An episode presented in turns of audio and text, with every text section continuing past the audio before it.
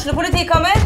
Ine Jansen er purk. Er du purk? The motherfucking bitch. Alt jeg vil, er å finne ut hva som skjedde med mannen min. Jon Carew. Er jeg sikta for noe? Iben Akeli. Det er du. Ole So, Lars Berrum og Big Daddy Karsten. Hvem sin side er du på, egentlig? Anette Hoff, Tone Danielsen, Kommer du fra Afrika? Jørnis Josef, Nesten. Kløfta. Trond Espen Seim, Det er synd å si det, men det var feil mann som døde. Purk. Premiere tirsdag på TV2 Play.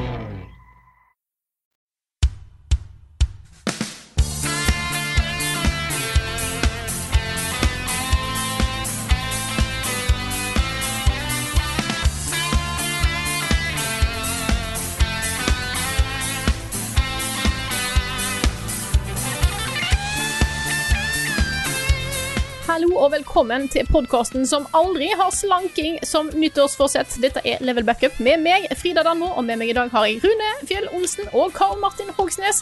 Hallo. Hello. Og det er helt riktig, vi har jo snakka liksom mange ganger om at å, burde jo liksom trimme den ned til kanskje en time, maks liksom time og et kvarter. Så går det en uke eller to, og så er vi tilbake til liksom halvannen en time og 45 minutter. Ja, hver gang. Men ja. koronakilo er jo en ting, da. Så vi kan jo bare si at podkasten vår sliter, sliter litt med det. Ja, Ja, det er et uh, godt poeng. yes. Podkasten har eh, drastisk endra seg pga. Hjemmekontor og, Ja. og, og sånt. eh, den får ikke så mye mosjon, og da blir det sånn. Ja, sånn Ja. er det. Stakkar podkasten.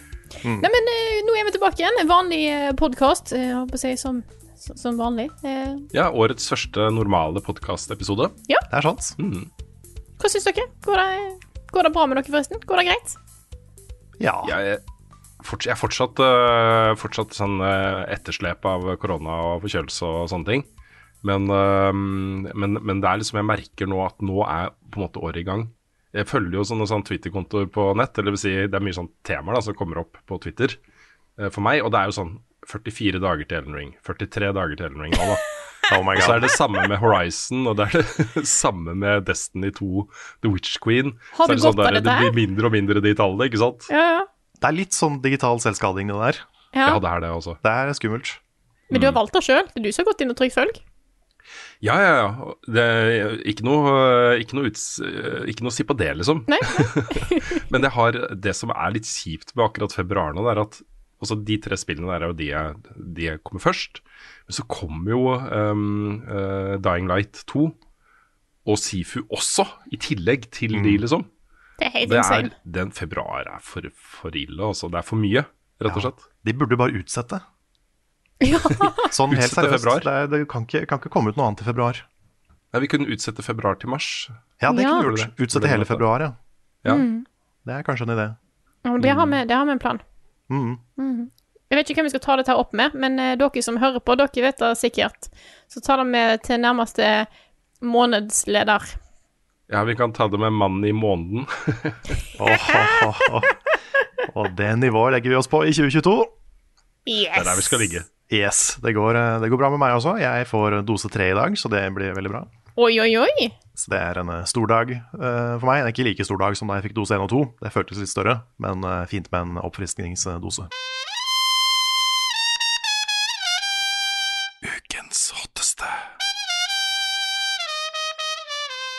Nå skjer det altså ting som er rødglødende hot, rett og slett fordi det går så rasende kjapt. Jeg snakker selvfølgelig om Awesome Games Done Quick. Vi har fått et spørsmål som jeg tenkte jeg kunne starte med. Det er fra Espen Tveit. Han skriver Har dere fulgt med på AGDQ? Har dere en favorittrun, eller er det noe dere gleder dere til? Og Carl, du er jo eh, Awesome Games Done Quick, eller Games Done Quick-eksperten i Level Up, vil jeg nå si. Så har du lyst til å Ja? Eh, kanskje du har lyst til å fortelle hva dette her er for noe? Det kan jeg gjøre. Dette er en event som eh, avholdes to ganger i året. Det er da Awesome Games Done Quick på vinteren og Summer Games Done Quick på sommeren.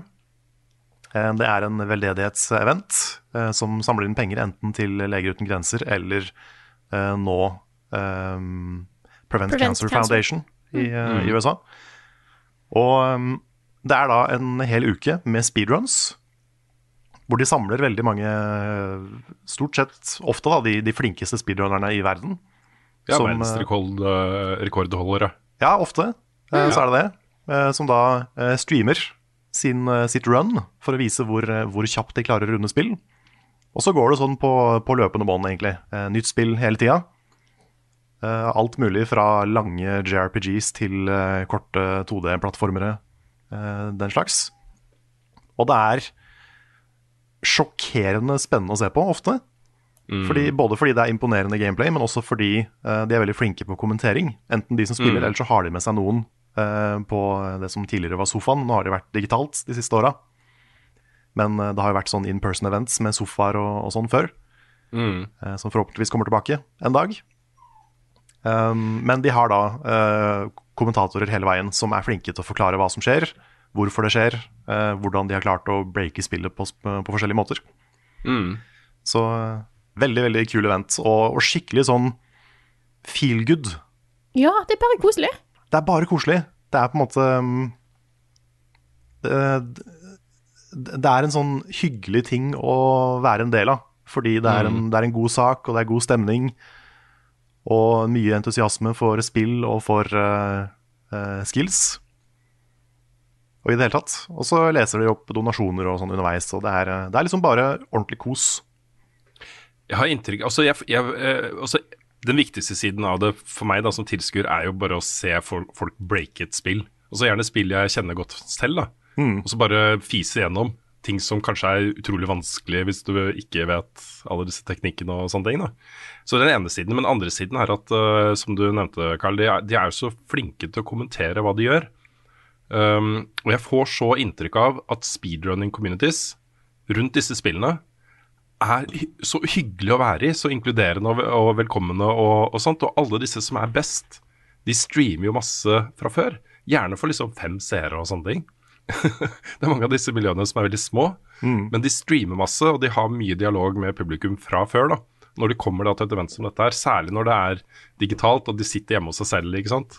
Så, så øh, det, det er så bra å se på. De er så flinke til å kommentere. Så, så det blir liksom ekstra gøy, da. Det er sant. Jeg har inntrykk av at uh, speedrunning communities er veldig sånn prega av samarbeid mer enn konkurranse. Så det er konkurranse også, for det er, det er kult å være den som har verdensrekorden, liksom.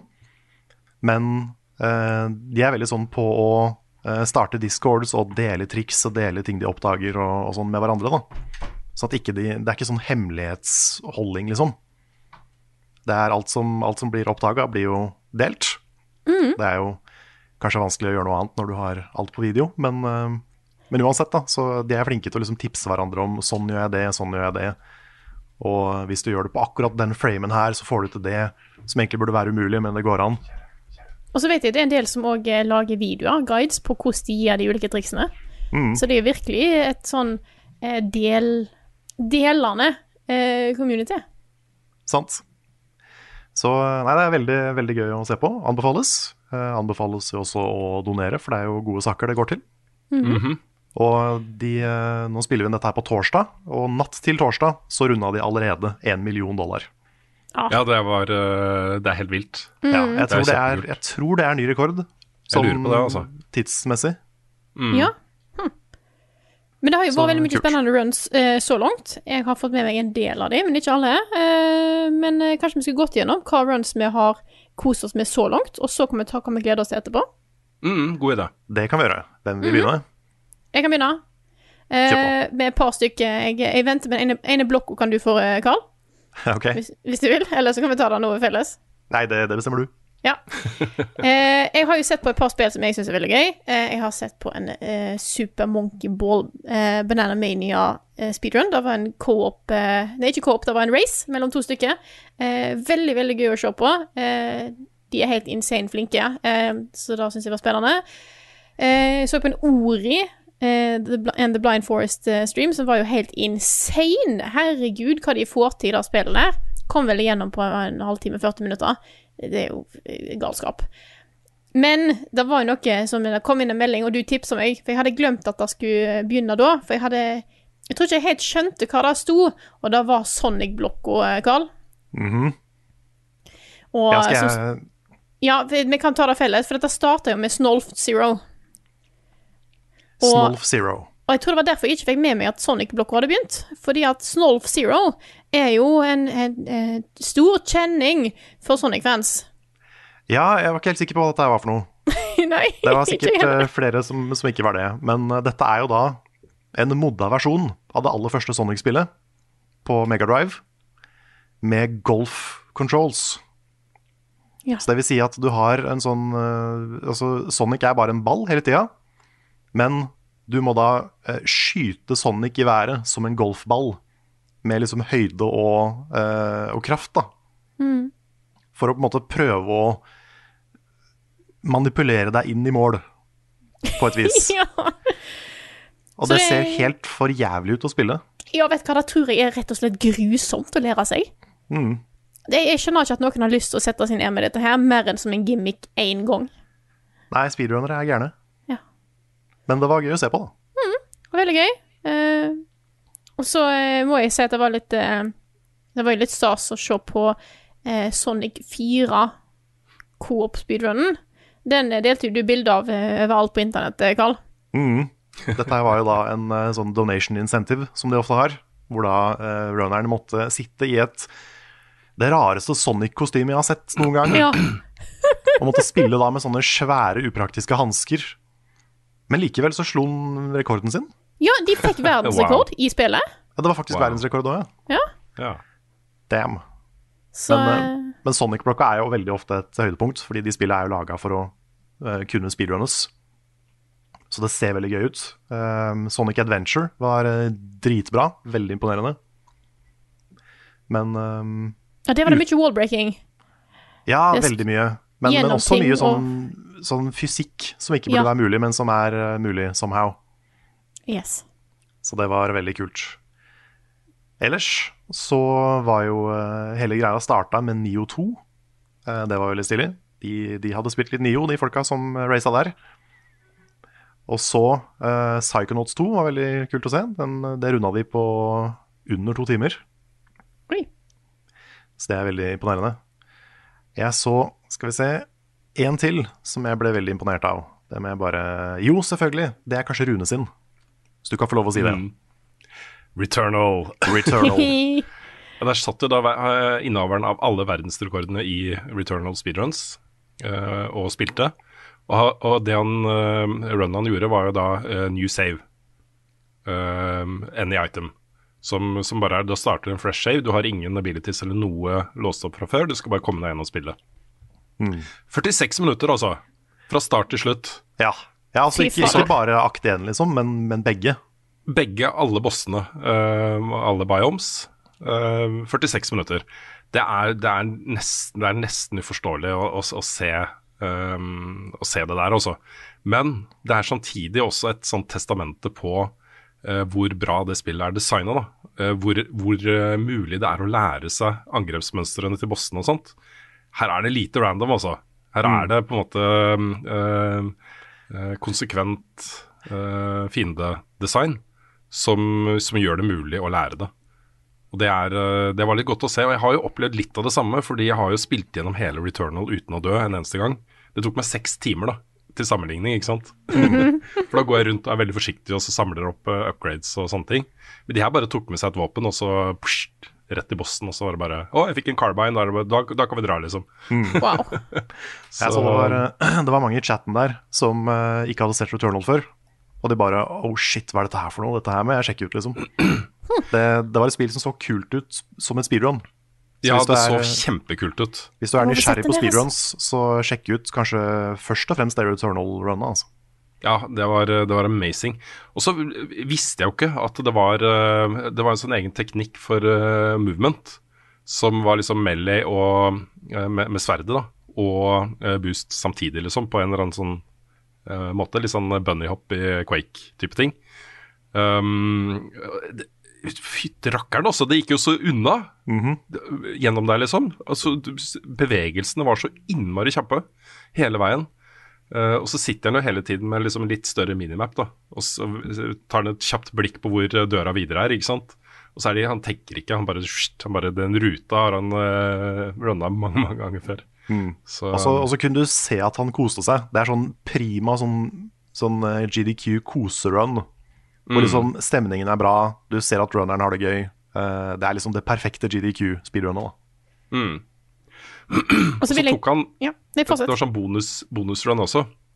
Og så det er en, en annen kategori er jo um, at du allerede har liksom låst opp alt, men gjør et nytt, nytt run, da.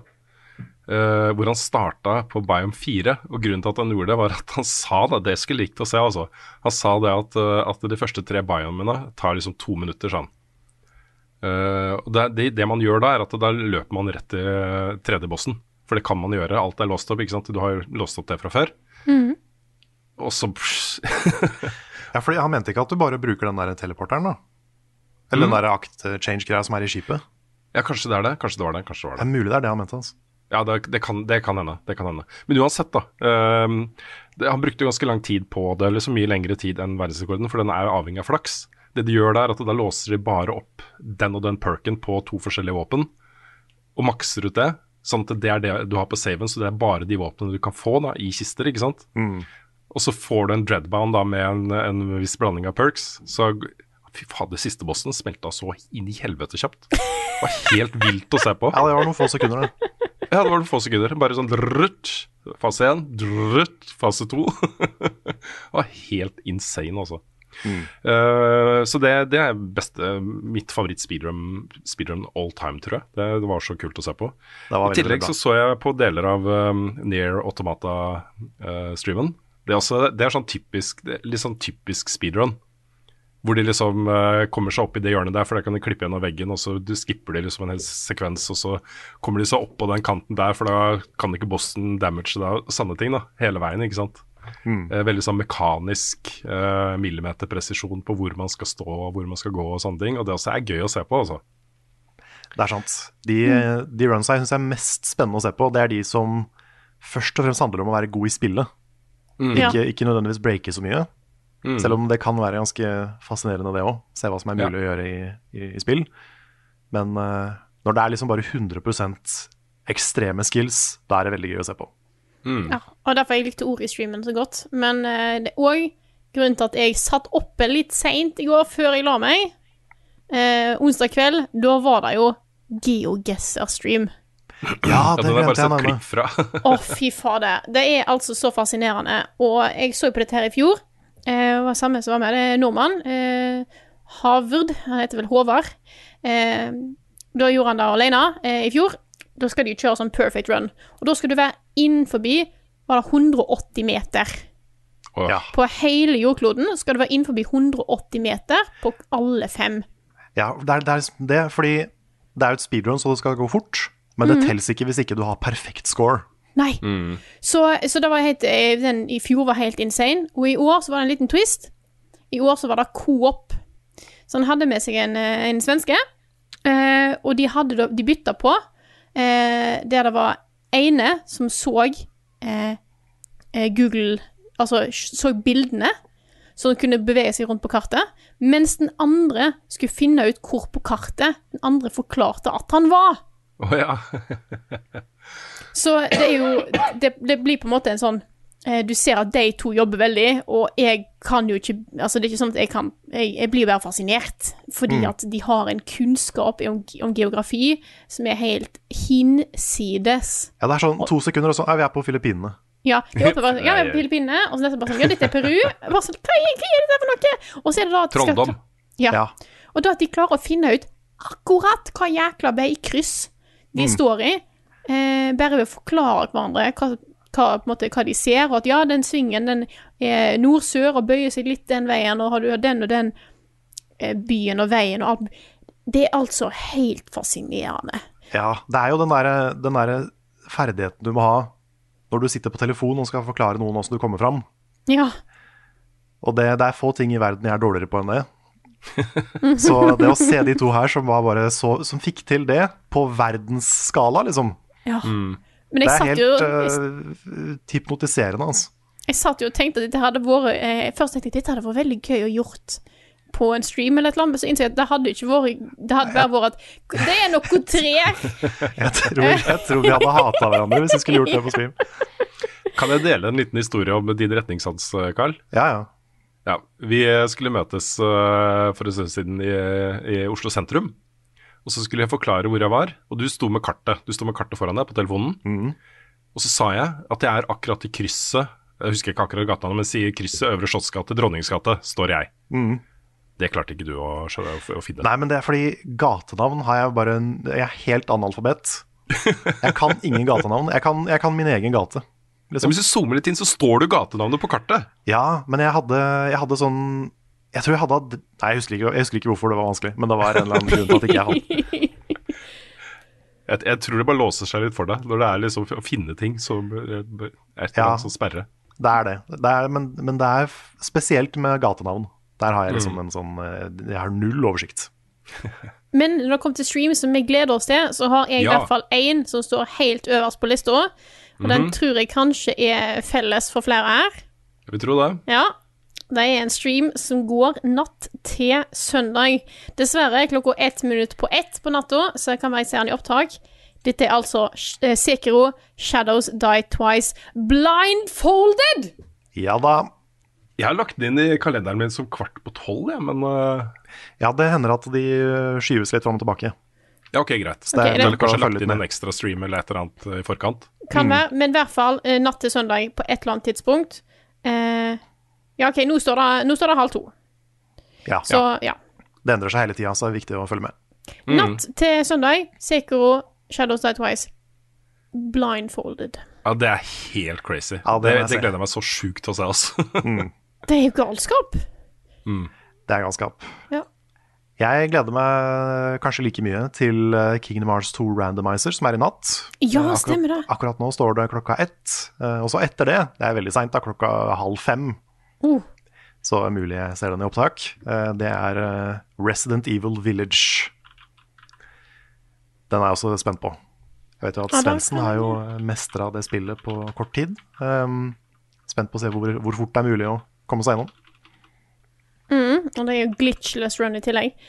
Mm. Oh, nei, det er, det er mye spennende. Jeg, jeg har eh, Så er det noen streams lenger bak i tid, som jeg gleder meg til å se. Jeg har lyst til å se den Pokémon Crystal. Eh, Key Item Randomizer, blant annet. Ja, den eh, så jeg litt av. Den er eh, veldig kul. Det er jo random Pokémon, så de møter jo liksom Første Pokémon de møter, er Charizard. så det er gøy. Men det er også, også nå fredag kveld, så i kveld, hvis du hører på podkasten når den kommer ut, eh, så er det jo Dark Souls All Bosses Race. Oh yes. Det, det blir bra. Ja, det gleder jeg meg til å se også. Uh, skal vi se, lørdag kveld er det Earthbound, så det er mye, det er mye gøy, altså. Ja, klokka fem på morgenen uh, på lørdag så er det også Hades. Ja, stemmer. Stemmer. Som de skal spille gjennom på to timer og sju minutter. Ja, med alle våpen. Så det er sikkert da, Med alle sikkert da våpen. fem eller seks runs. Mm. Ja.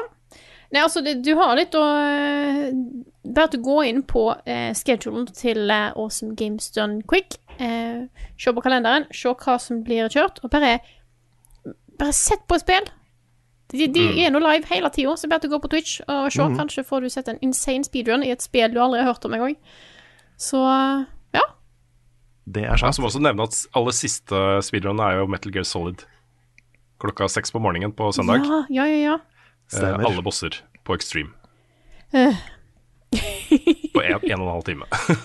Fy fader. Den, eh, den schedulen dukker også opp eh, med norske tider, hvis du, hvis du har norsk klokke på PC-en, så det er veldig, mm, veldig praktisk. Veldig, Det veldig er sykt praktisk. praktisk. Så ta en kikk. Eh, Stikk innom Awesome Games Done Quick og få med deg kule speedruns, og støtt en god sak samtidig hvis du har lyst til det.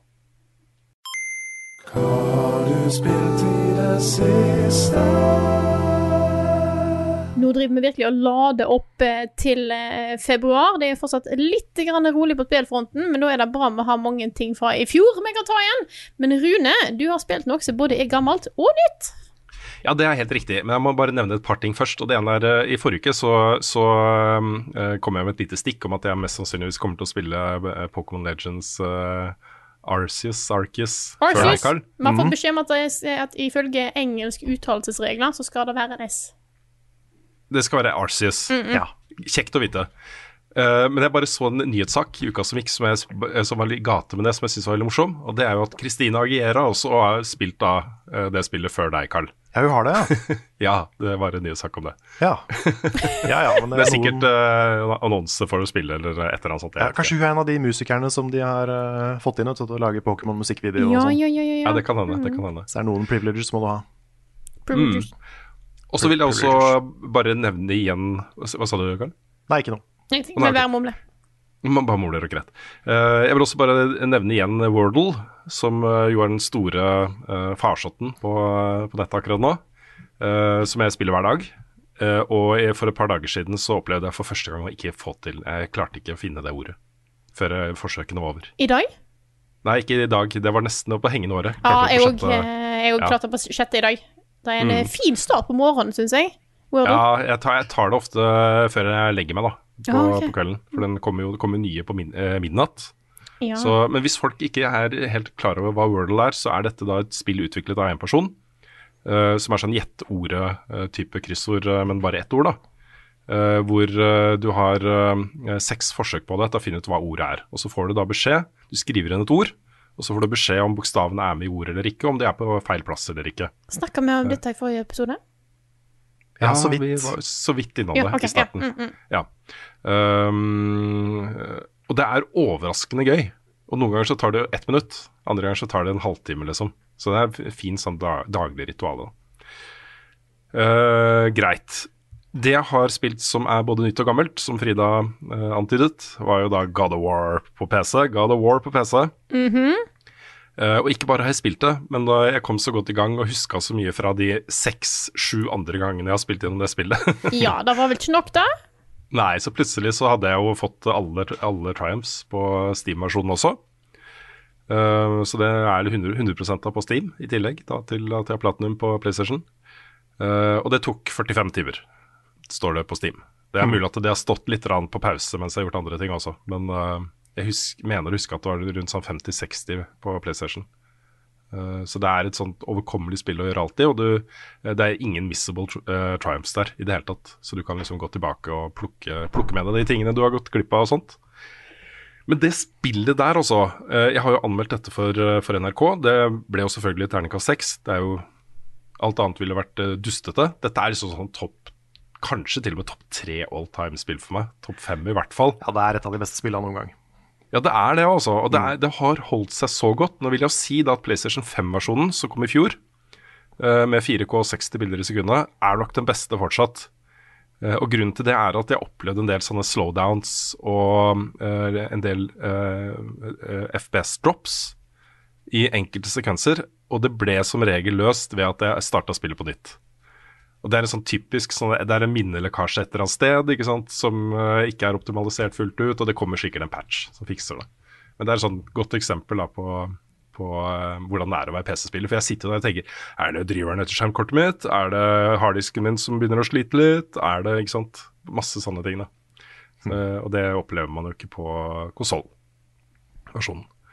Men eh, dette er jo så jeg, jeg syns det er så ålreit at eh, en, eh, en ny gruppe spillere får muligheten til å spille dette spillet her. Hvis du bare har PC og eh, ikke har hatt PlayStation 4 eller 5, Å ha muligheten til å spille dette spillet her, er, å så unner jeg alle.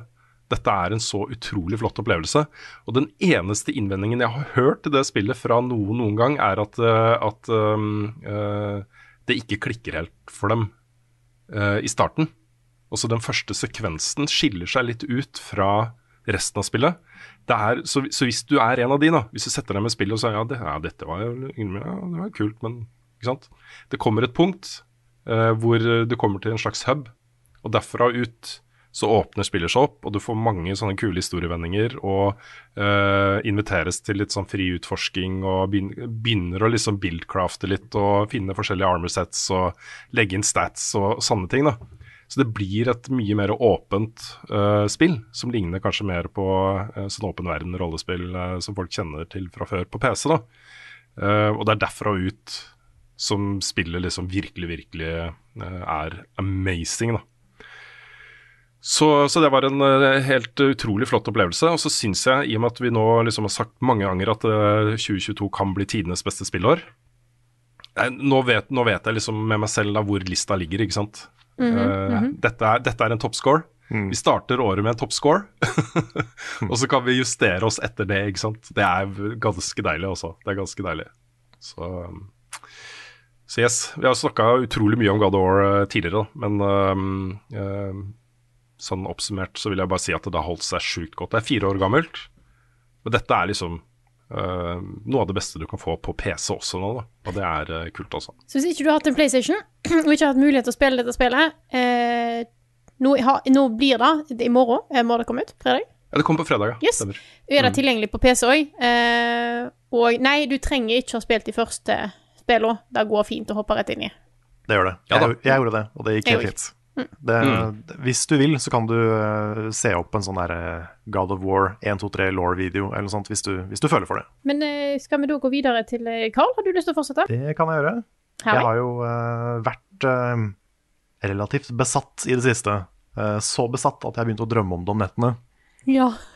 av Inscription Cases mod. Og dette er da ikke en mod-mod, det er en offisiell en slags expansion til spillet. Som eh, ganske sånn enkelt forklart tar den første delen av Inscription, den som mange kjenner best, eh, i hvert fall hvis du har sett, eh, sett starten på spillet. Denne hytta med denne, disse øynene og sånn. Eh, Ja, den det eneste delen av spillet som sånne som oss uh, vil snakke om. Ja, Offentlig. for, ja, fordi det er mer uh, der, men det er spoiler. Ja. Yes. Men det tar da den delen av spillet og gjør det til en litt sånn endless uh, rogelike-type ting. Så eh, det er mer eller mindre den samme delen, men eh, du, eh, du må da komme deg gjennom, prøve å klare et run, sånn som i Hades og alle disse spillene her. Og når du gjør det, så får du en du får, du får noen nye kort som du låser opp, pluss at du får en, et par nye sånne uh, handikaps du kan sette på. For å gjøre det enda vanskeligere. Og jeg har jo da spilt dette her veldig, veldig intensivt. Ehm, kommet meg gjennom tolv ganger. Låst opp alle challenges. Og mer eller mindre runda det som kan rundes. Så det har vært eh, veldig, veldig mange timer med inscription.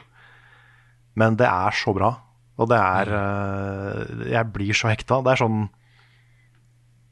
på, på et øyeblikk så følte jeg nesten at det gikk over i å bli litt sånn problematisk, hvor hekta jeg ble.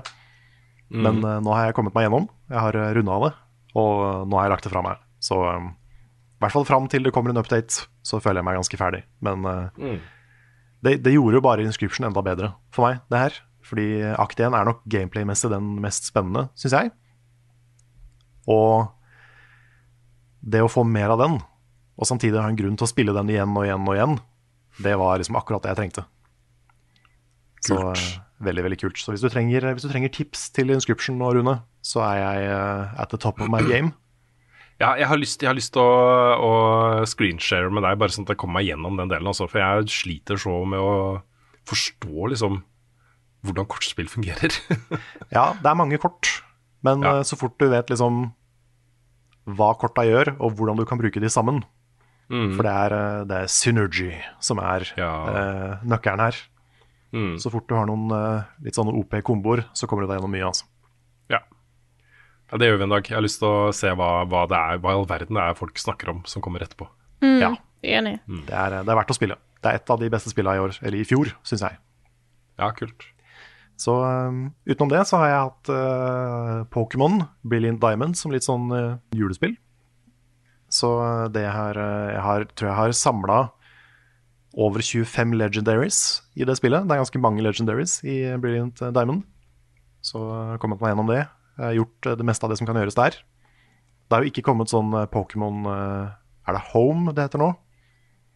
Den, den appen som du kan bruke til å ja, Frida nikker, så da er det Pokémon Home. Det har ikke kommet til Brilliant Diamond ennå, så jeg får ikke fullført Pokédexen. Men eh, kanskje, etter hvert, så får jeg full Pokédex i det òg. Jeg har ikke pleid å gjøre det i spill, men jeg begynte med det i Sword og Shield.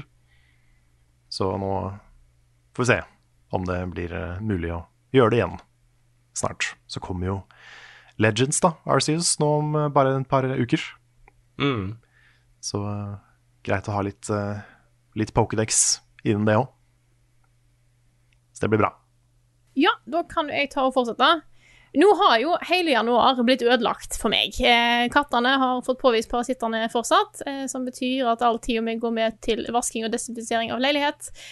Så planen min om å få gjort veldig mye i januar gikk litt sånn i eh, Rett ned i vaskebøtta, eh, hvis en kan si det sånn. Eh, så eh, etter å ha desinfisert og dampa hele leiligheten forrige helg, eh, kontinuerlig vaske og desinfisere denne uka, og ny runde med full damping og desinfisering og vasking av kattene til helga, eh, så forsvant jo all tida mi til spilling. Eh, men innimellom, når jeg er dritlei av å vaske, eh, så har jeg tatt meg tid til å spille litt ting personlig. Og da har jeg nå tatt opp igjen og fortsatt på The Outer Wilds Echoes of the Eye. Eh, DLC-en til, til Outer Wilds som kom i høst. Og den DLC-en altså blir bare bedre og bedre. Åh, jeg må få spilt det. ja. Jeg må få spilt det, altså. Og nå har jeg kommet til det, fordi at eh, spillet DLC-en starter med en beskjed om at denne DLC-en kan inneholde ting som noen syns er litt skummelt. Så du kan ha en option over å skru det av. eh, jeg har kommet til the scary parts. Ah, og Eh, det er skummelt. eh, det er litt småskummelt, men det er fullstendig overkommelig. Eh, til og med for sånne som oss, eh, Karl. Ok. Nå har du spilt, eh, spilt eh, eh, Resident Evil, så du har jo eh, det store Du har jo et overtak der på skumle liste over skumle spill en har spilt. Eh, Ja, jeg vet ikke om jeg har blitt noe bedre av å gjøre det. Jeg har bare kommet meg gjennom noe, liksom. ja. Nei, det, det, er, det er creepy. Det har et par eh, litt småskumle små skumle segmenter, men det er langt ifra et skrekkspill, så ikke vær redd for det. Ikke Ikke eh, ikke vær redd for kontinuerlig jump scares og sånt. Eh, det er noen segmenter der på en måte det Du merker at OK, er vi på den biten, ja. Bare så det er sagt. Selv om så hele DLC-en har det fantastisk litt sånn småcreepy stemning.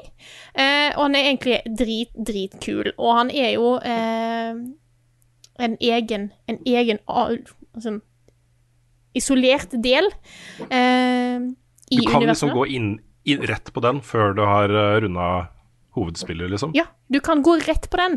Hvis eh, du som jeg eh, Altså, jeg starta opp en ny save på en ny datamaskin for å spille dette. For jeg spiller på TV-en oppe. Eh, og da tenkte jeg å, er det mye jeg må gjøre? Nei da. Du må bare gjennom introen, ut i universet, og finne den. Ja. Og du får litt tips. Eh, det er lagt inn noen sånne ekstra ting i introen som gjør at du kan finne ut hvor den tingen her er, da. Eh, men hele greia er så jæklig smart, og så jæklig lurt. Eh, og jeg gleder meg til jeg kan snakke litt om det. Jeg kommer til å ta det opp i topplista mi. Definitivt. Det blir ikke en egen anmeldelse. Men da spillet bruker spillmekanikkene på så utrolig stilige og nye måter. Eh, da en eh, bruker hovedsakelig av spillmekanikker, har ikke vært med i originalspillet i det hele tatt. Eh, men det er det samme time loop-opplegget som brukes. Eh, og det brukes bare så smart. Fy fader. Eh, så ta og Hvis du ikke har spilt eh, DLC-en, er den virkelig verdt å sjekke ut. Hvis du ikke har spilt Outer Wilds, så eh, slå til, altså. For et spill det er. Det er jeg er helt imponert over hva de har fått til der, altså. Ja, det er- amazing. Det er så bra, det spillet. Ja, Altså. og historiefortellingen som skjer nå i DLC-en, er helt eh, Ja, det er fantastisk. Eh, kul musikk, kul stemning, eh, lydbilde. Hvordan den verden her er utforma. Du får helt sånn hakeslepp i det du kommer inn på et ny område. Bare så det er Mm. Det er sagt. så eh, jeg gleder meg til å bli ferdig, eh, bli ferdig med det. Få hele opplevelsen og bare liksom få den til å synke godt inn, rett og slett. Så jeg gleder meg til å få en avslutning på den historien.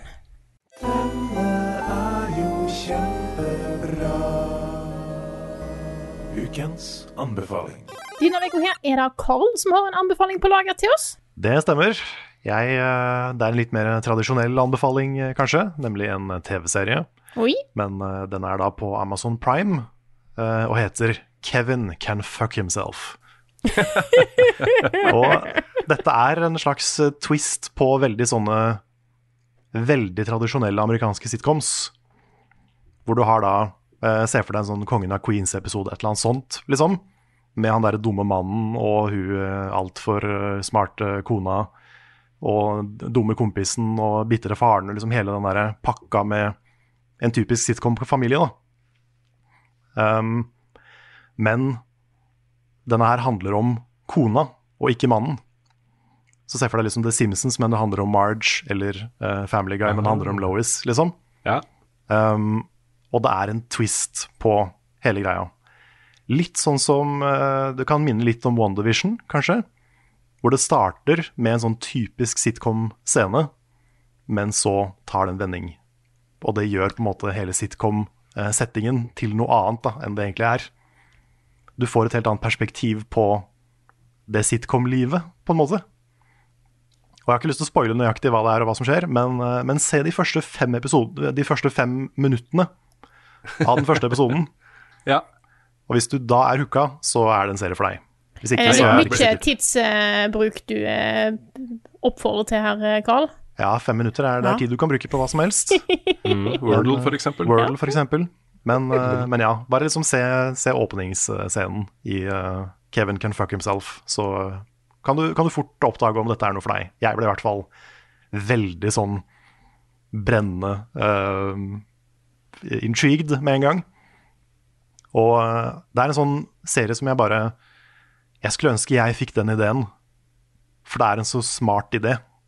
Mm. Og serien er liksom Det er ikke det beste jeg har sett, men den er, den er bra, liksom. Men det er først og fremst den ideen som ikke jeg har sett før. Kombinasjon av sitcom og dette andre. Som jeg syns er veldig, veldig veldig stilig.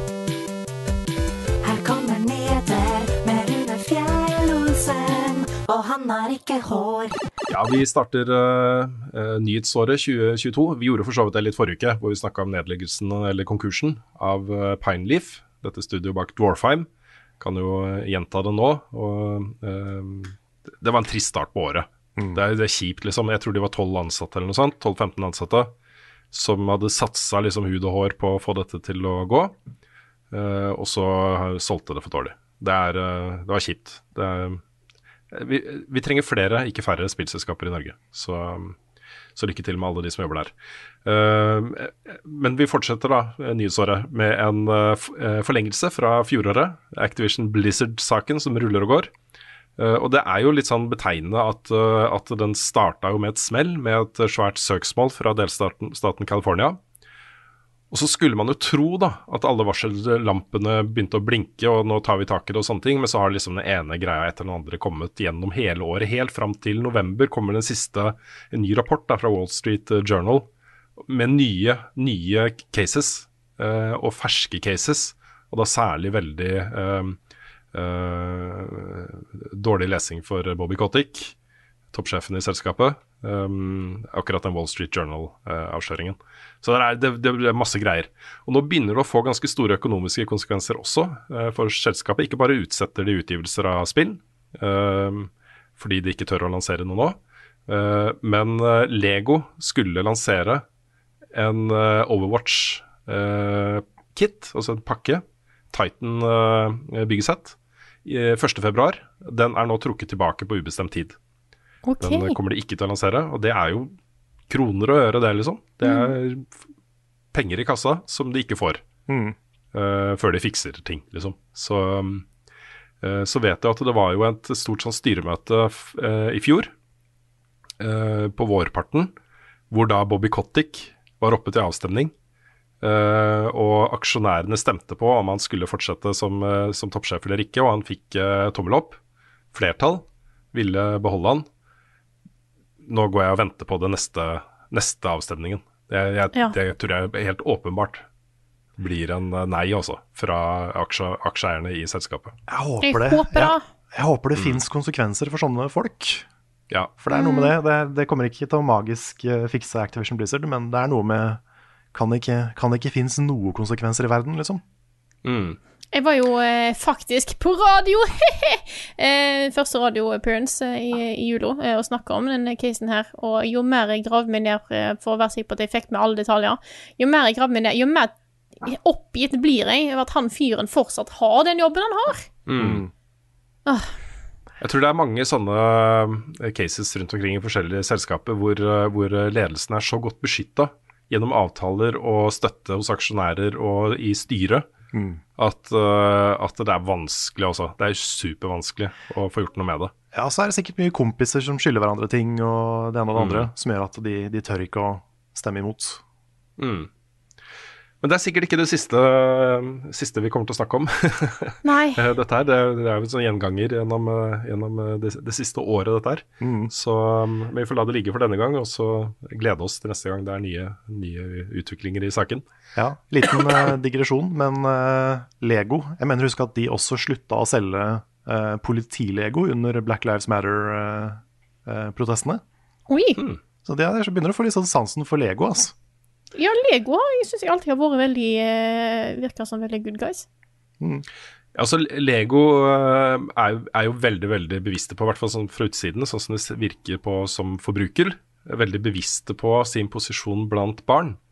Eh, og eh, det gjenspeiles også i, i uh, hva de faktisk gjør, da. Uh, hva slags produkter de lanserer, og hvordan de lanserer de, og, og, og sånne ting. Så um, uavhengig om det er en riktig beslutning å trekke Titan Set eller ikke, liksom. Det er jo også en andre Man kan diskutere det på andre måter. Men, eh, men det er en, et, et spesielt ansvar som er knytta til det å publisere noe for barn. Lage noe for barn. Mm. Så eh, ja, enig i at, at det er et eh, sånn tillitsstempel. da. At det er det ansvaret bevisst. Yeah. Um, en av de morsomste og, og sånn mest meme-vennlige tingene som har skjedd denne uka, her var jo at utviklerne av Dying Light 2 gikk ut på søndag eh, på Twitter og sa at det kom til å ta 500 timer og 100 Dying Light 2. Um, 500 timer. Uh, da har de da i etterkant justert det ned. De sier at det tar 20 timer hvis du bare kjører gjennom historien. Så det er litt, et litt annet tall enn 500. Ja, litt annet tall. Absolutt. Ja, også under 100, da, rundt 80 timer for å gjøre alle sidequests. Så det tallet på 500, det er å liksom finne alle collectibles, få alle altern eh, alternative slutter, snakke med alle, få ut også alt av dialog av alle rollefigurer osv. 500 timer. Så da blir tallet kanskje litt mer overkommelig. Men, men jeg føler at dette her er Det, det virker som skrytetall. Ja, lange spillet vårt er dritlangt. Ja, ja, alle ble jo kjempesure. Spillerne ble jo superstressa. Ja. Fansen. Ja. Det skjønner jeg godt. Ja, Hvem er det som har 500 timer? Hvem er det som på forhånd planlegger å sette av 500 timer til noe? Sant? Nei, det er sant. Det, er litt sånn, det føles litt tonedøvt, fordi for noen år siden så hadde nok det vært et salgsargument. Men nå virker det som flere er så slitne av de lange, overblåta spilla, liksom. Jeg tror For å komme dit, liksom, så må du på en måte gjøre det av egen fri vilje, da. Også Hvis du blir så glad i Skyrim eller uh, hva det skulle være, Destiny, eh, ikke sant, um, så kan du fort komme opp i det tallet der, og vel så det, liksom. Men, men da er det på en måte eh, Det er ikke derfor du har kjøpt det spillet, på en måte. Nei, Nei men det, jeg føler at det har forandra seg litt i det siste. Sammen med sånn uh, Vår åpen verden er den største åpne verden. Den er, den er 500 Skyrims. Ja. Det er liksom, sånne ting har jo folk prøvd seg på Ja. mange ganger. Uh, Ja. Men det gjør det ikke like mye lenger, fordi det, kanskje folk har begynt å skjønne at det er litt sånn intetsigende. Det, det spiller Mm. ikke noen rolle hvor svært det er, så lenge det ikke er fylt med morsomme ting. Men jeg har prøvd å tenke da, hvor- eh, mange spill jeg liksom no, eh, gjennom årene da, har brukt mer enn 500 eller mer timer på. Jeg tror det er bare tre spill, altså. Som jeg har brukt så mye tid på. Ja, det er ikke mange. Det er, det er kanskje sånn tre-fire for meg òg. Ja, det er Quake 3, um, Trackmania og Destiny. Det er de tre, tror jeg, som uh, Ja. Jeg har forresten regna på det. Hvis du sover sju timer per dag, som er en relativt greit antall, og så utenom da ikke gjør noen ting annet enn å spille, så kan du spille 500 timer i løpet av en måned. Ja. Hm. ja. Da er det overkommelig. Da, Ja. da høres det mye bedre ut. det. Mm. Så det, hvis du bare eh, bruker Hvis du sover sju timer, og så tror jeg du har noen minutter til å liksom gå på do og sånt eh, Ja. inni dette her, men bruker all annen våken tid på å spille, så kan du Mm. komme gjennom på en måned.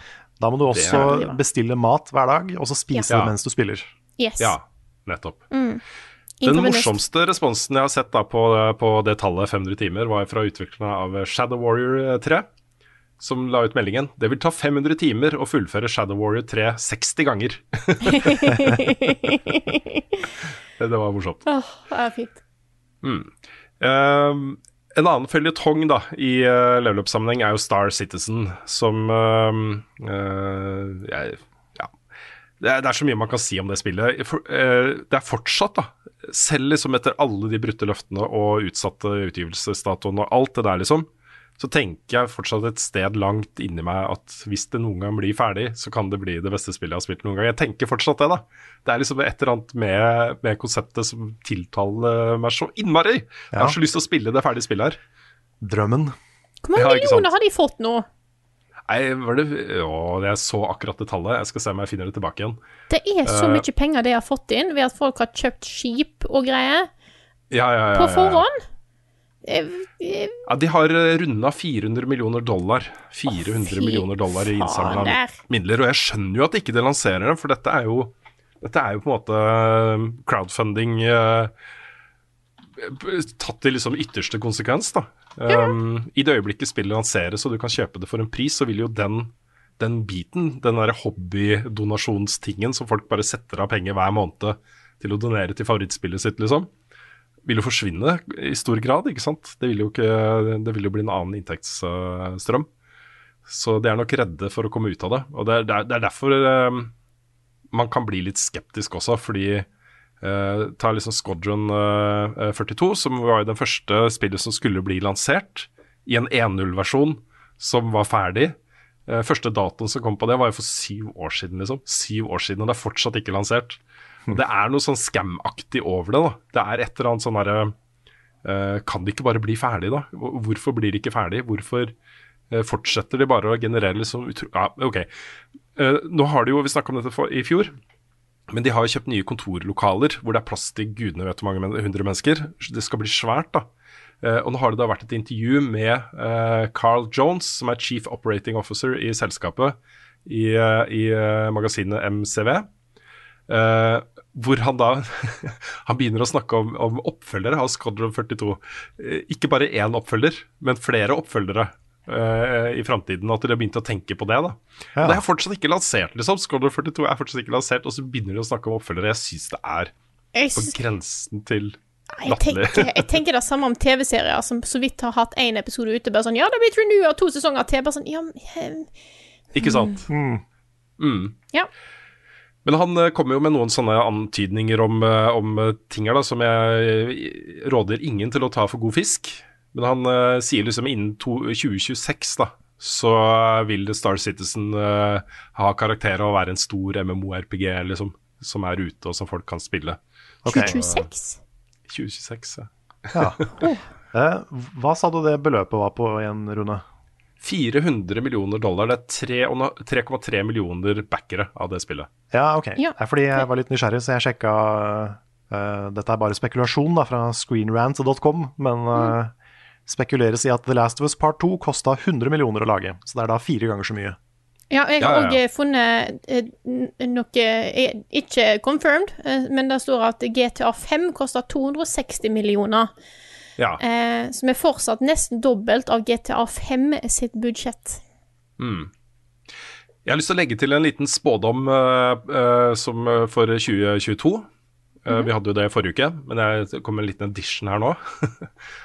Tenk deg når den gjengen der oppdager krypto og NFT-er og sånt, da. Er det, Ja. er det noen som vil vedde mot at dette blir en del av det universet her, eller? jeg vedder mot en concerned ape. Men når det er sagt, da. Ok, jeg har, jeg har tenkt mye på NFT-er og krypto uh, i det siste. Jeg har begynt å liksom gjøre ganske dyptpløyende research på temaet, for jeg føler at dette bør jeg kunne en del om.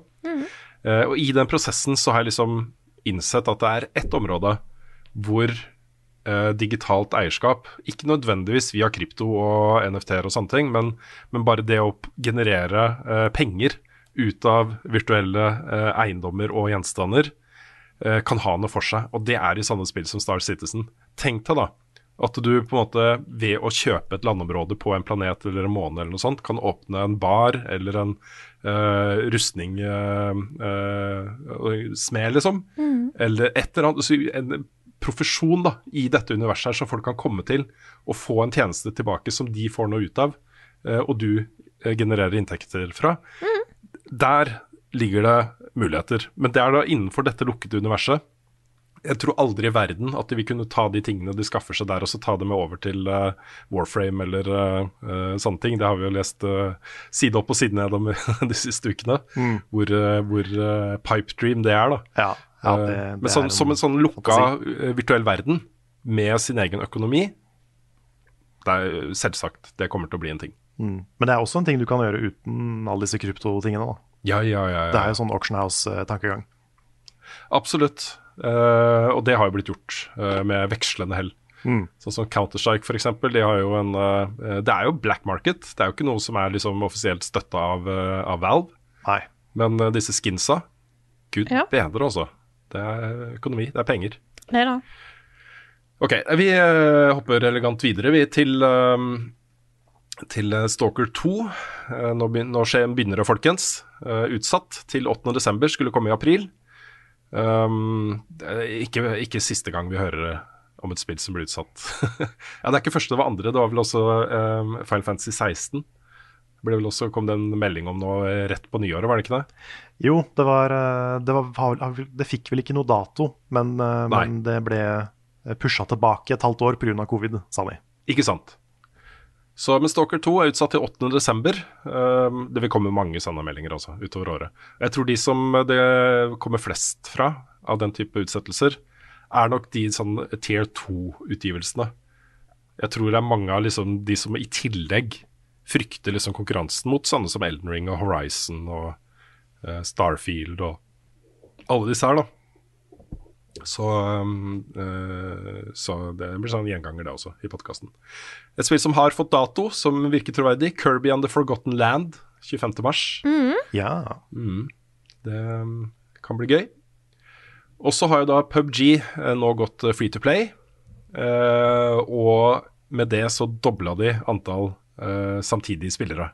Det var på rundt eh, 300 og et eller annet tusen. Nå er det, eh, var det da første dagen 669 000 samtidige spillere eh, av PubG på Steam. Nå skal det jo sies at all time high på Steam er 3,2 millioner eh, samtidige spillere. Men jeg vil si altså 300 og 600 000 er ikke dårlig nei, nei, det er for et sånt spill så lenge etter release. Mm. Det er det også. Jeg har lyst til å ta et, øh, et øh, innspill fra sidelinjen, dvs. Si fra en lytter mm -hmm. her. Um, vi, vi, uten, uten kjenningsmelodi denne gang, så slipper vi å liksom okay, vente ok. på den. Pip, Mm. pip. Men det er da fra Trond Sinfor Borgersen, Uh, som skriver da Når man ikke trodde det skulle komme flere Battle Royale-spill som skulle bli populære, så har spillet Super People plutselig kommet fra intet. PubG møter Apex møter COD. Her skal det lutes, craftes og skytes, og de siste som står igjen får super sweet, fondstørrelse 72 og ingen varm kyllingmiddag. Har dere i Level Up noen favoritter innenfor Battle Royale-sjangeren? Uh, Han nevner også at han har spilt over 2000 timer PubG. han har spilt 37 timer Super People uh, og 30-40 timer Fortnite. Og Jeg gikk inn og kikka på Super People, og det er uh, ikke mulig å bare spille det. Du må sende søknad om å få tilgang. Det er, det er så early access at det ikke er åpent for alle engang. Så det er ikke bare å gå og spille det, men det ser, uh, ser veldig spennende ut også. Så det er nok et spill vi kommer tilbake til uh, etter hvert. Hva er dines best, hvordan fredag sist har Carl egentlig sopp? Ukens spørsmål. Vi fyrer i gang med et spørsmål fra Simon Kjøl Jacobsen, som skriver Hei dere, godt nyttår. Godt nyttår til deg òg. Godt nyttår! Den største norske ikke-musikkrelaterte YouTube-kanalen i subscriber count er kanalen til en spillutvikler ved navn Dani. Kanskje bare slått av Funcom er han den største og mest suksessfulle spillutvikleren Norge har i dag. Det neste spillet hans er det 15. mest wishlista spillet på Steam, for eksempel. Mitt spørsmål er hvorfor har verken Gamer, Level Up, NRK eller noen skrevet en sak om, eller det hele tatt nevnt, det som er en av de største suksesshistoriene i norsk spillbransje noensinne? Ja, det kan man vel kalle et betimelig spørsmål. Betimelig spørsmål. um, det er jo grunner, da, eh, for så vidt. Uh, også uh, jeg, jeg så en av videoene hans første gang for jeg tror det var sånn halvannet år siden, eller noe sånt, rundt der. Og ble liksom blåst av banen av, av um, OK, jeg er en fyr fra Norge. Jeg har opplevd det et par andre ganger. Det, sitter en fyr på TikTok som egentlig bare Det han gjør, er å bare være på Omegle og snakke med folk. Uh, etter å ha sett liksom i, i feeden han noen ganger, så ja, han er norsk, liksom. uh, og har sjukt mange seere og, og sånt. Og det er også en del av de derre eh, som danser og sånt, som har helt ville eh, tall internasjonalt. Blir sånn superstjerner som folk ikke vet om. Og Danny, Danny eller Danny, eller hva vi skal si, ja, han er jo en av de. En sånn derre uh, unsung hero fra Norge som har hele sitt publikum i utlandet, nesten. da. Det er sikkert masse norske også. Tingen er at han ja, Han lager jo spill, men han lager spill på kødd. Ja. Og så han lager jo ikke, han lager jo ikke eh, spill som er ment å være kvalitet. Dette er lagd for, fordi det er gøy. Uh, han er en flink utvikler. Han jobber med Unity. Uh, og viser prosess, I de, uh, videoene sine så viser han prosessen, hvordan han har gått fram for å få animasjoner, for å få ting på plass og sånne ting. Han har annet lagd en versjon av Squid Game. Som, eh, som han kalte Crab Game. Oh, crab game. Crab Game. Uh, men de videoene er jo på en måte altså Det han lager, er mer ment som YouTube-innhold enn som spill, da, tenker jeg. Og han har jo over tre millioner abonnenter på YouTube. Det er helt ellevilt. Eh, og de videoene er sjukt morsomme. Han er veldig underholdende, eh, og flink da, til å lage den type innhold. Så, mm, så det burde jo, burde jo ha nevnt han, liksom. Jeg føler ikke han er liksom superrelevant for hvis, hvis du som redaksjon liksom dekker spill som kulturuttrykk. Og når vi Og sier at eh, kunst. da lager ikke kvalitet, og snakker mye om at det er dårlig, eller, for det er jo helt klart kvalitet på det han lager, sånn Ja, ja, ja. sett, men eh, han har et, utgangspunkt for spillaging å si, kanskje, enn Ja, Funcom og sånt. han- Ja, han forteller vitser, han lager sketsjer, han, øh, han øh, prøver han, Det er humor, da. Det, hu, det han gjør, er humor. Mm. Uh, samtidig, selvfølgelig, som hadde han satt seg ned, eh, kanskje med et team, for å lage et spill, så hadde det nok blitt bra, for han vet jo hva han holder på med, liksom. Han er dyktig utvikler. Mm. Uh, men jeg tror ikke det er det som er motivasjonen hans, da. Men det er, eh, det er ganske spesielt, altså. At han eh, setter seg ned og jobber i to måneder med en, eh, en Squid Game-klone. Kommer ut, og det blir godkjent, og det kommer, blir lansert, og folk spiller det. Ja, det er, eh, det er en ting, liksom. Så spillet ligger på Steam, så det er bare til å teste det ut. Jeg tror til og med de var gratis. Ja, det lurer jeg på stemmer. Men det, det, i, i, i henhold til spørsmålet så føler jeg det er mer rart at ikke sånn som NRK, VG og Dagbladet og sånt har uh, skrevet om han, eh, enn at vi liksom dekker all, alle utgivelsene hans og følger hans karriere da, som spillutvikler. Uh, fordi jeg, jeg ser nok han mest på han som en entertainer, uh, mer enn en utvikler. da. Det er ikke noe galt i det, også, det er ikke ment som en diss. Det er bare ikke alt han gjør som er relevant da, for å, å dekke, liksom, redaksjonelt for oss. Så jeg vet ikke om det er et godt svar på spørsmålet. Men jeg er veldig imponert over han, altså. Jeg syns han er kjempemorsom, jeg syns han er utrolig flink. Og jeg syns det blir litt sånn på samme måte som når norske utøvere i sportsgrener og sånt tar medaljer internasjonalt. Jeg blir litt sånn ja, det er Kult at han er norsk. Norge. Ikke sant? Han er, ja. Norge. Mhm. Så, ja. Nei, jeg skjønner hva du mener. Jeg gjør det. Men bare sjekk det ut også. YouTube-kanalen heter bare Dani. Eh, D-A-N-I. mhm. Det er masse bra innhold. Og det er ikke sånn han pøser ikke ut. Det går gjerne to-tre måneder mellom videoer han lager. Han bruker masse tid på å lage disse videoene. Det er, de er stappfulle av gags og, og kule klipp og alt mulig rart. Så veldig underholdende. Skal vi gå videre til Da har vi nevnt han. Ja. ja. Da har vi nevnt han. Mhm. Så får vi heller følge med når neste spiller hans eh, kommer ut. Ja. Se hva som skjer. Hva som skjer i, Mhm. i eh, spillsfæren. Nei, det som er tingen, vet du, for plutselig så kommer han en sånn derre uh, uh, Getting Over It-type hit. Ja, ja, ja, Mm. sant. Det, det, sånn, plutselig så gjør han det, ikke sant. Ja, han kan bli Da- Norges da- eh, Bennett Foddy.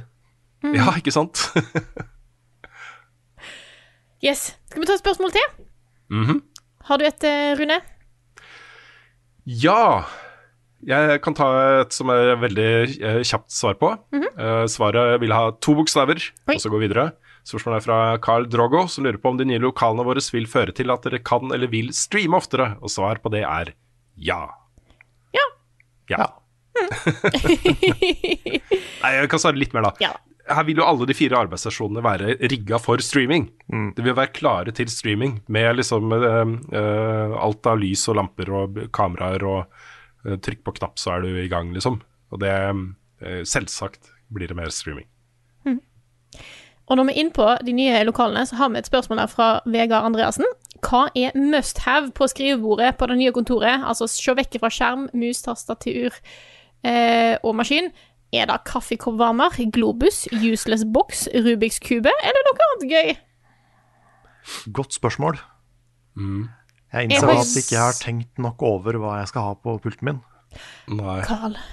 Ja. Jeg vil ha minst mulig når jeg ser på den pulten min. Det er så rotete, og jeg vil ikke ha det sånn. Jeg vil at det skal være clean. Ja, Bare det jeg trenger. jeg er veldig dårlig på det. Det Mm. blir liksom mer og mer ting. Nå har jeg nettopp rydda eh, skrivebordet mitt eh, her hjemme, fordi at jeg har fått meg sånn svær sånn musematte, sånn deskmatte-ting. Eh, med Delta Room-tema.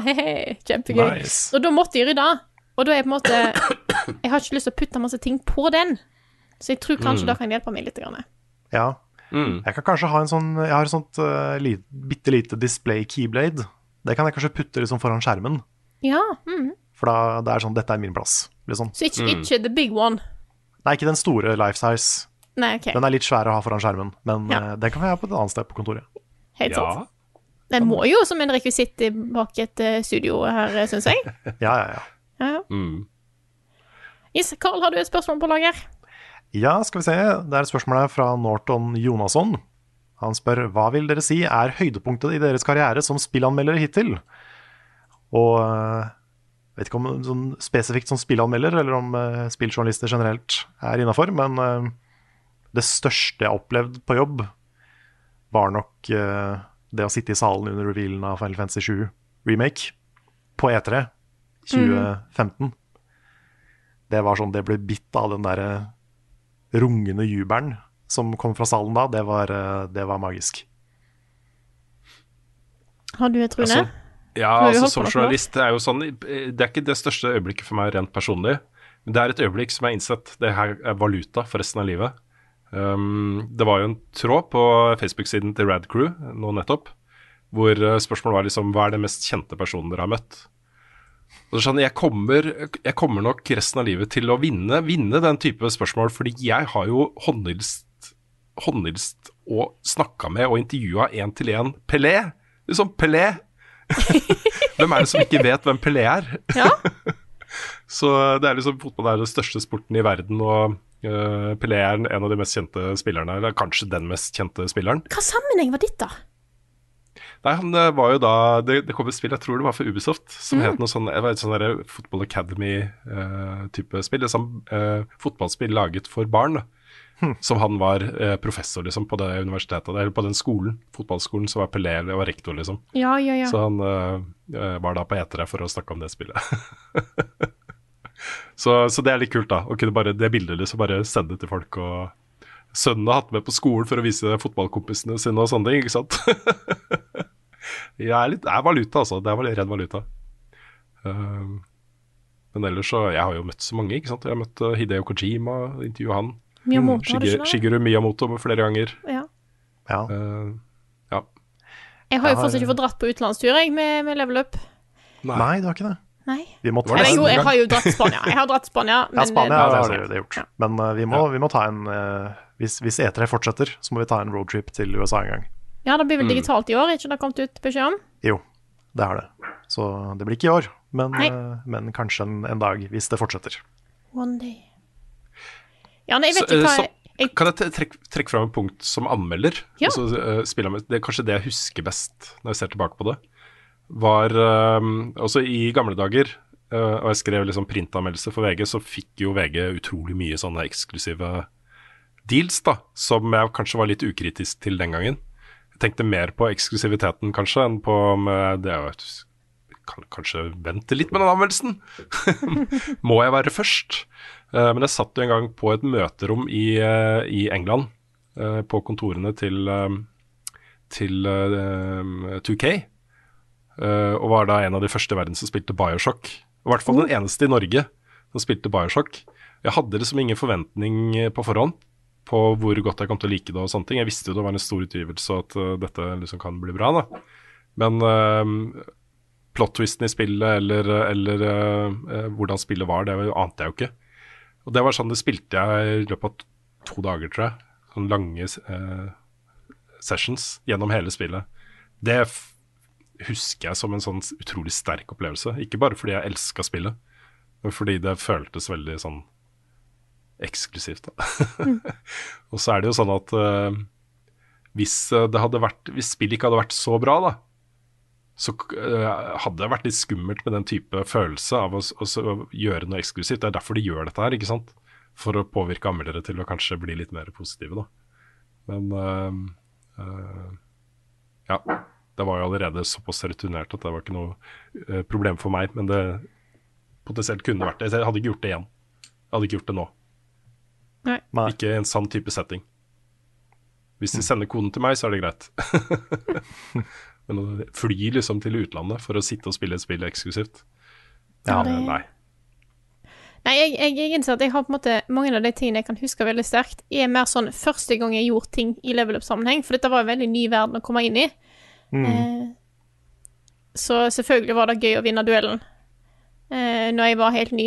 Jeg fikk liksom eh, Jeg følte jeg fikk liksom vist meg litt fram da, på en god måte, så det var jo litt mm. uh, veldig gøy sånn sett.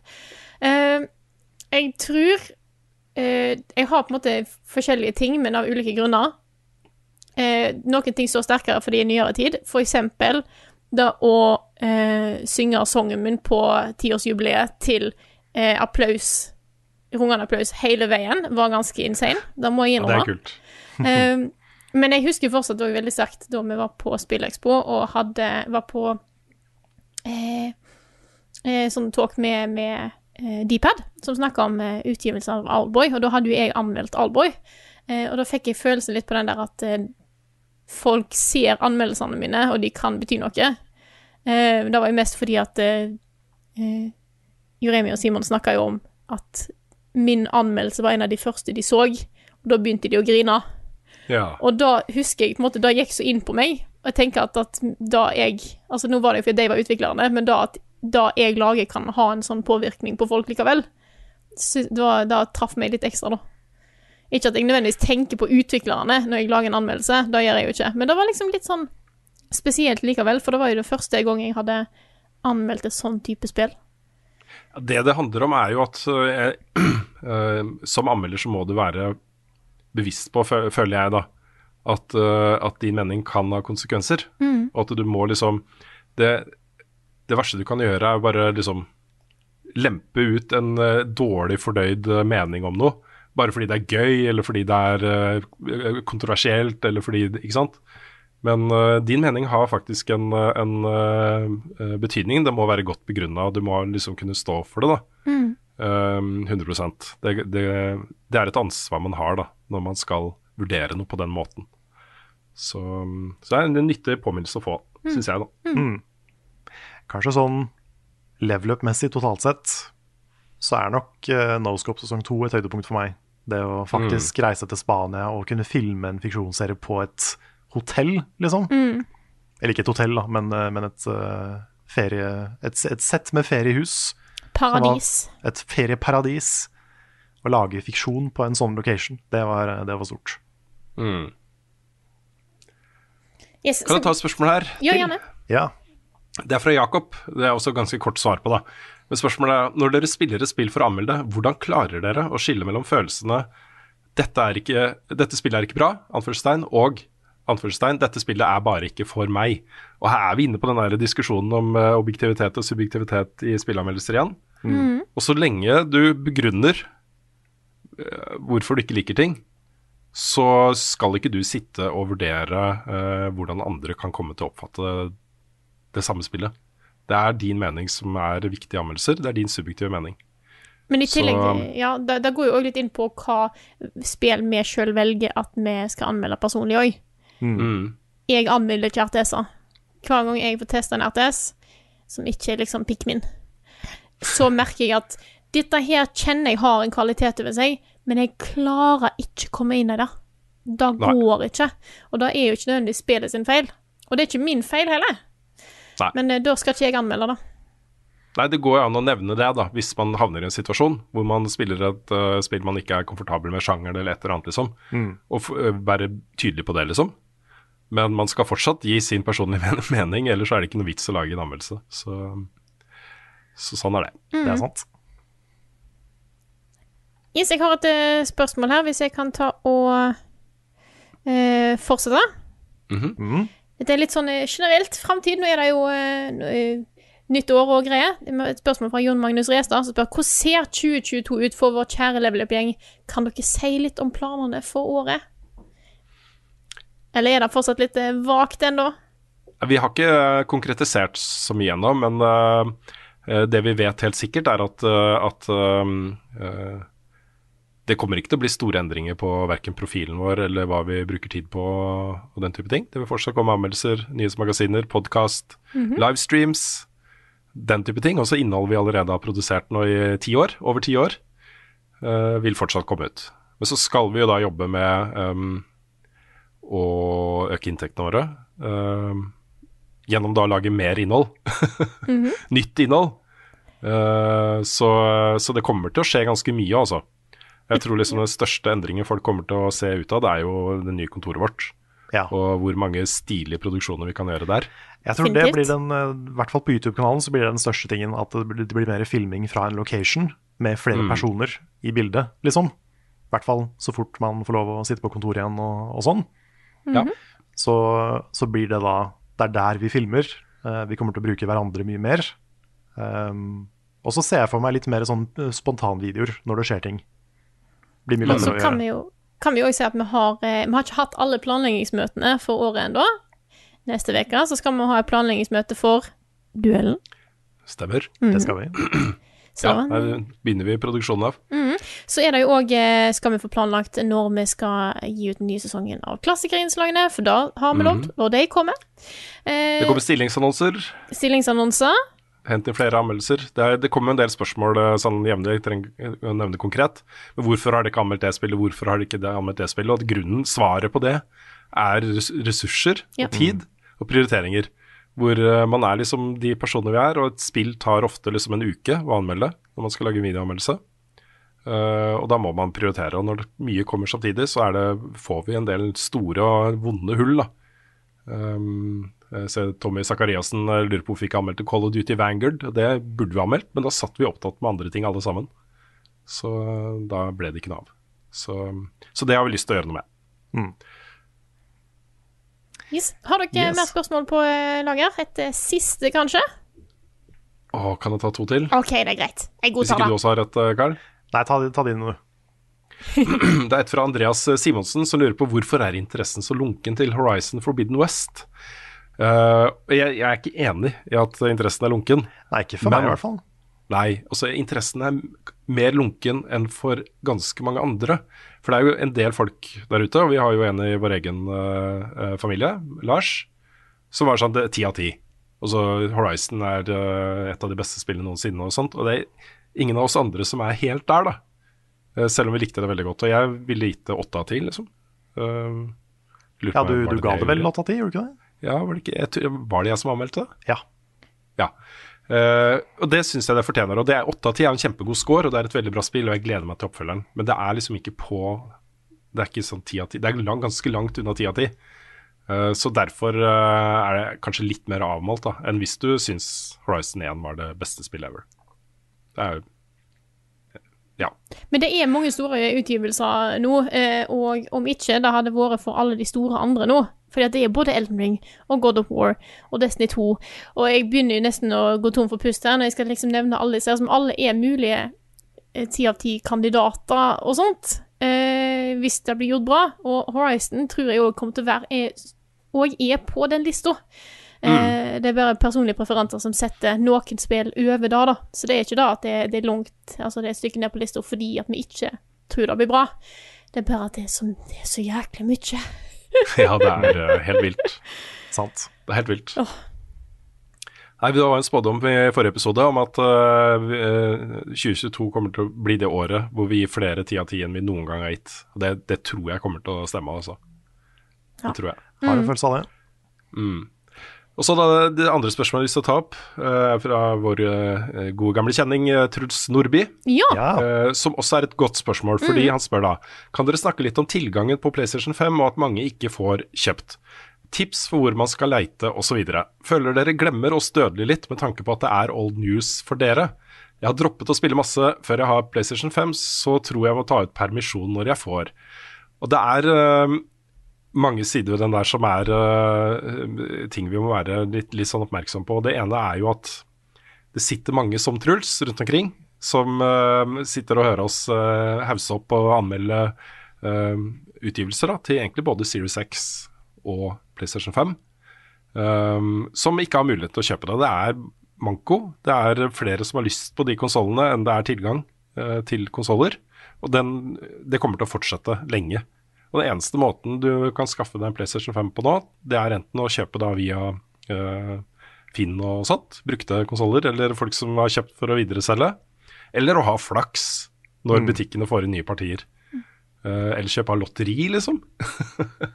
um, Det er, det, Og- ja, det, det, er- det, er, det er vanskelig å følge, uh, ha helt oversikt, men jeg tror jeg følger med på Elkjøp og Power. De har jo sånne lotteri. ja, Eh, Coop. Coop har jeg. Mm. Ja. Det som jeg syns er fascinerende med dette her, er rett og slett eh, hvordan eh, hvordan en snakker om, om, om dette her. Fordi det er jo helt klart eh, Etterspørselen er mye større enn tilbudet. Det er rett og slett ikke nok. Eh, men når en ser på tallene, så er det litt fascinerende tall. PlayStation 5 har jo solgt så langt 13,4 millioner units. Dette var i oktober. Eh, og da var det jo under Det hadde vært ute i under et år. Hadde jeg solgt 13,4. Og hvis Og det var mer enn det PlayStation 4 solgte i samme periode. ja, og eh, hvis du ser på tall for eh, 2017 for Switch, så solgte Nintendo Switchen 13,12 millioner det første året. Eh, så det er på en måte Det er fordi at etterspørselen er så sinnssykt høy. Og det er jo ikke det, Ja, nødvendigvis at det har vært veldig få plutselig, det er bare at etterspørselen har økt noe enormt.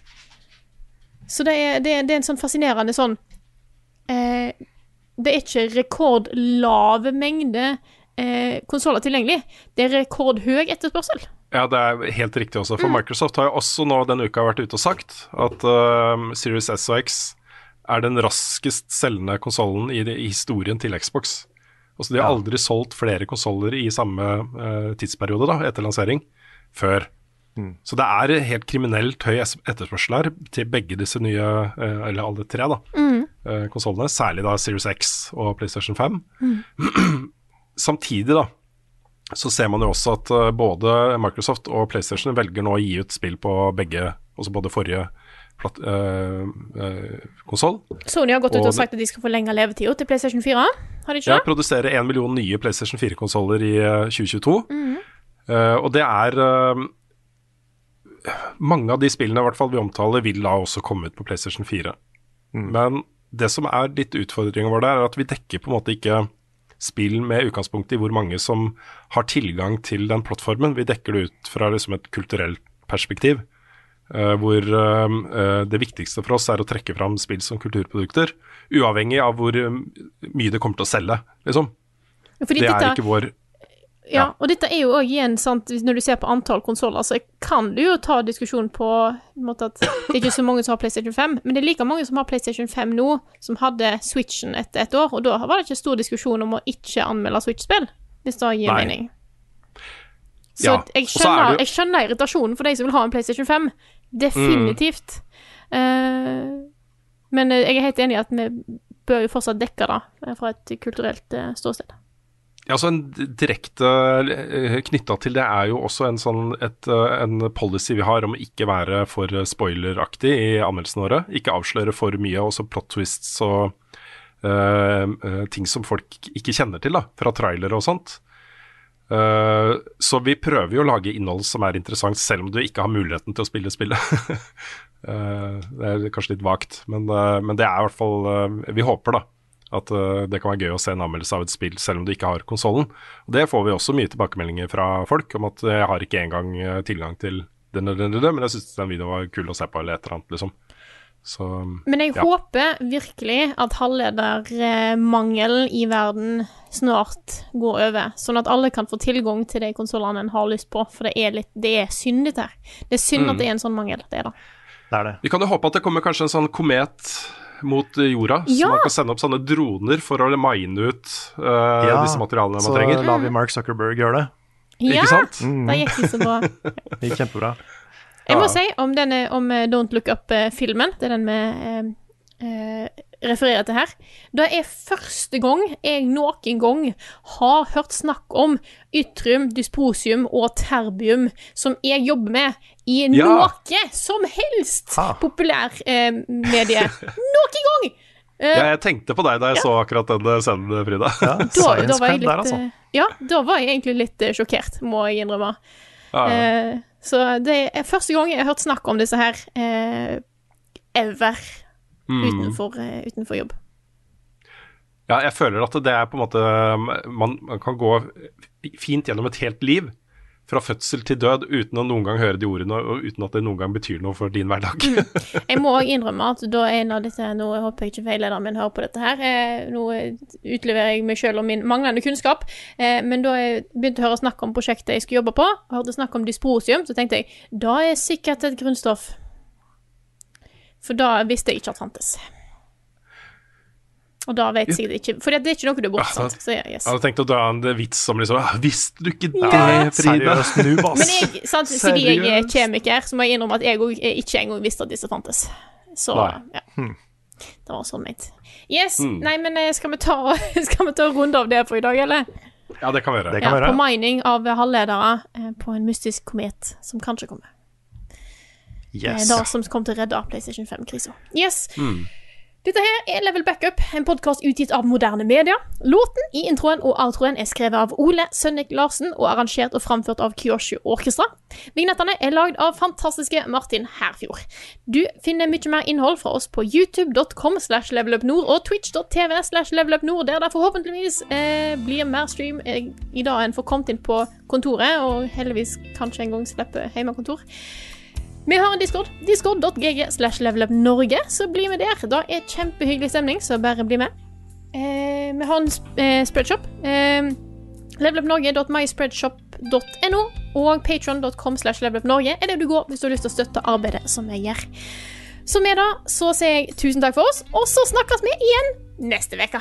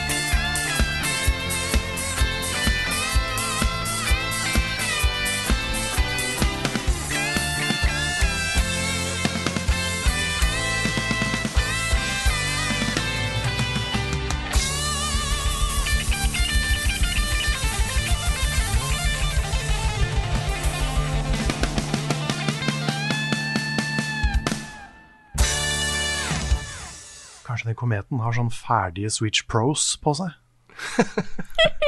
Det er der det er. Det er der de er. Det er der de var hele tiden. Har du et enkeltpersonforetak eller en liten bedrift? Da er du sikkert lei av å høre meg snakke om hvor enkelt det er med kvitteringer og bilag i fiken, så vi eh, gir oss her, vi. Fordi vi liker enkelt. Fiken superenkelt regnskap.